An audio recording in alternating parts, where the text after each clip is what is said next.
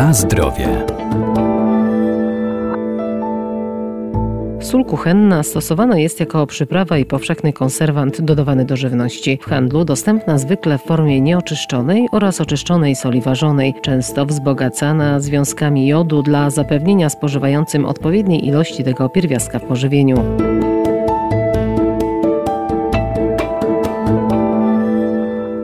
Artykuły spożywcze, które kupujemy, muszą być dokładnie oznakowane, a etykieta to dla nas cenne źródło informacji. Dzięki niej poznamy skład danego produktu i zrobimy zakupy zgodne z naszymi oczekiwaniami. Na przykład dowiemy się, czy mamy do czynienia z solą jodowaną, czy nie. Sól zawiera dodatki, między innymi związki jodu. Mamy tu dwa związki. Od 1996 roku wprowadzono obowiązek jodowania soli spożywczej albo jodkiem potasu, albo jodanem potasu. Doktor habilitowany Zbigniew Zbigniew Marzec, Uniwersytet Medyczny w Lublinie. A to dlatego, że na dużych obszarach kraju występowały objawy wola endemicznego i powszechnie uważa się, że występuje niedobór jodu w żywności i w naszej diecie. Dlatego to jest chyba jedyny pierwiastek, który jest y, dodawany obligatoryjnie do produktów spożywczych. Proszę to są nieduże ilości. Widocznie są jakieś pozytywne skutki, skoro to utrzymano przez y, no, od 96 roku po prostu jest dodawana cały czas. Oczywiście do przetworów i soli jodowanej się nie używa, których po prostu źle wpływa na i wygląd, i konsystencję produktów, także uważa się, że tutaj nie powinna być dodawana.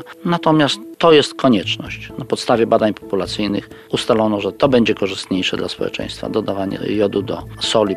Do soli spożywczej, a forma, czy ona jest grubsza, czy drobniejsza, to akurat nie ma znaczenia. Sól ma być jodowana po prostu spożywcza. Chyba, że jest zaznaczone, że jest do przetworów niejodowana, to wtedy. Na zdrowie.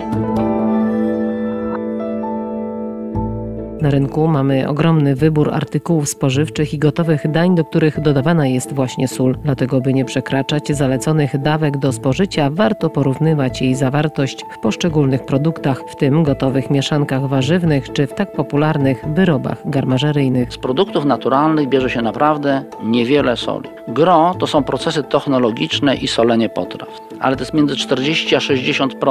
40% jest to technologia, no i reszta zostaje na naturalną zawartość sodu w produktach. Naturalnie produkty zawierają bardzo mało sodu. Produkty mięsne tam może troszeczkę więcej, inne stosunkowo mało.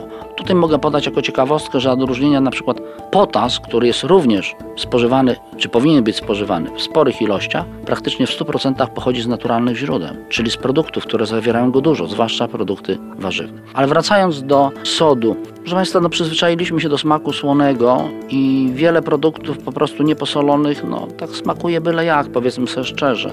Czasami nawet nie przypuszczamy, że w produkcie jest sól. Chodzi tu na przykład o spożywany codziennie chleb. No, daje się niewielką ilość. Klasycznym przykładem jest czekolada taka podawana jako dziwny ewenement, że tam się ją soli. Tak, dodaje się niewiele soli, bo sól podkreśla, ma zdolność podkreślania smaku, wzmacniania go.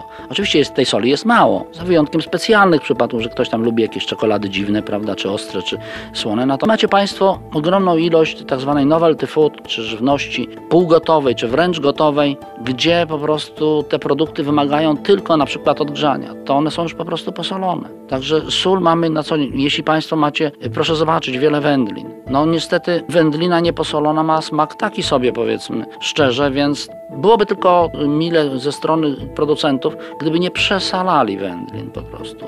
Istnieje pewna optymalna granica, ale często spotyka się, że wędliny są aż zbyt słone. To maskuje wszystkie inne smaki. Także we wszystkich gotowych zupkach, sosach, tam po prostu występuje sól. I tutaj mi się jedna rzecz nasunęła. Jeśli Państwo kupujecie produkty, to kupujcie raczej na przykład produkty ziołowe, a nie gotowe przyprawy z solą. Gro masy produktu to tam stanowi sól, ponad 60%, a tych ziół czy innych przypraw jest stosunkowo mało. Fakt, że sól jest i najtańsza, to po pierwsze, a po drugie, potem, gdy Państwo chcieli uzyskać intensywny smak, to Wam się to nie uda.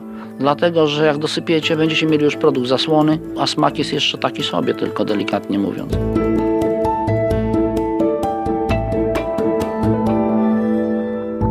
Sól jest niezbędna do prawidłowego funkcjonowania organizmu człowieka, ale jej nadmiar ma negatywny wpływ dla naszego zdrowia, dlatego niezależnie od rodzaju soli należy kontrolować jej spożywanie. Zalecana całkowita dzienna porcja soli ze wszystkich źródeł nie może przekraczać 5 gramów. Na zdrowie.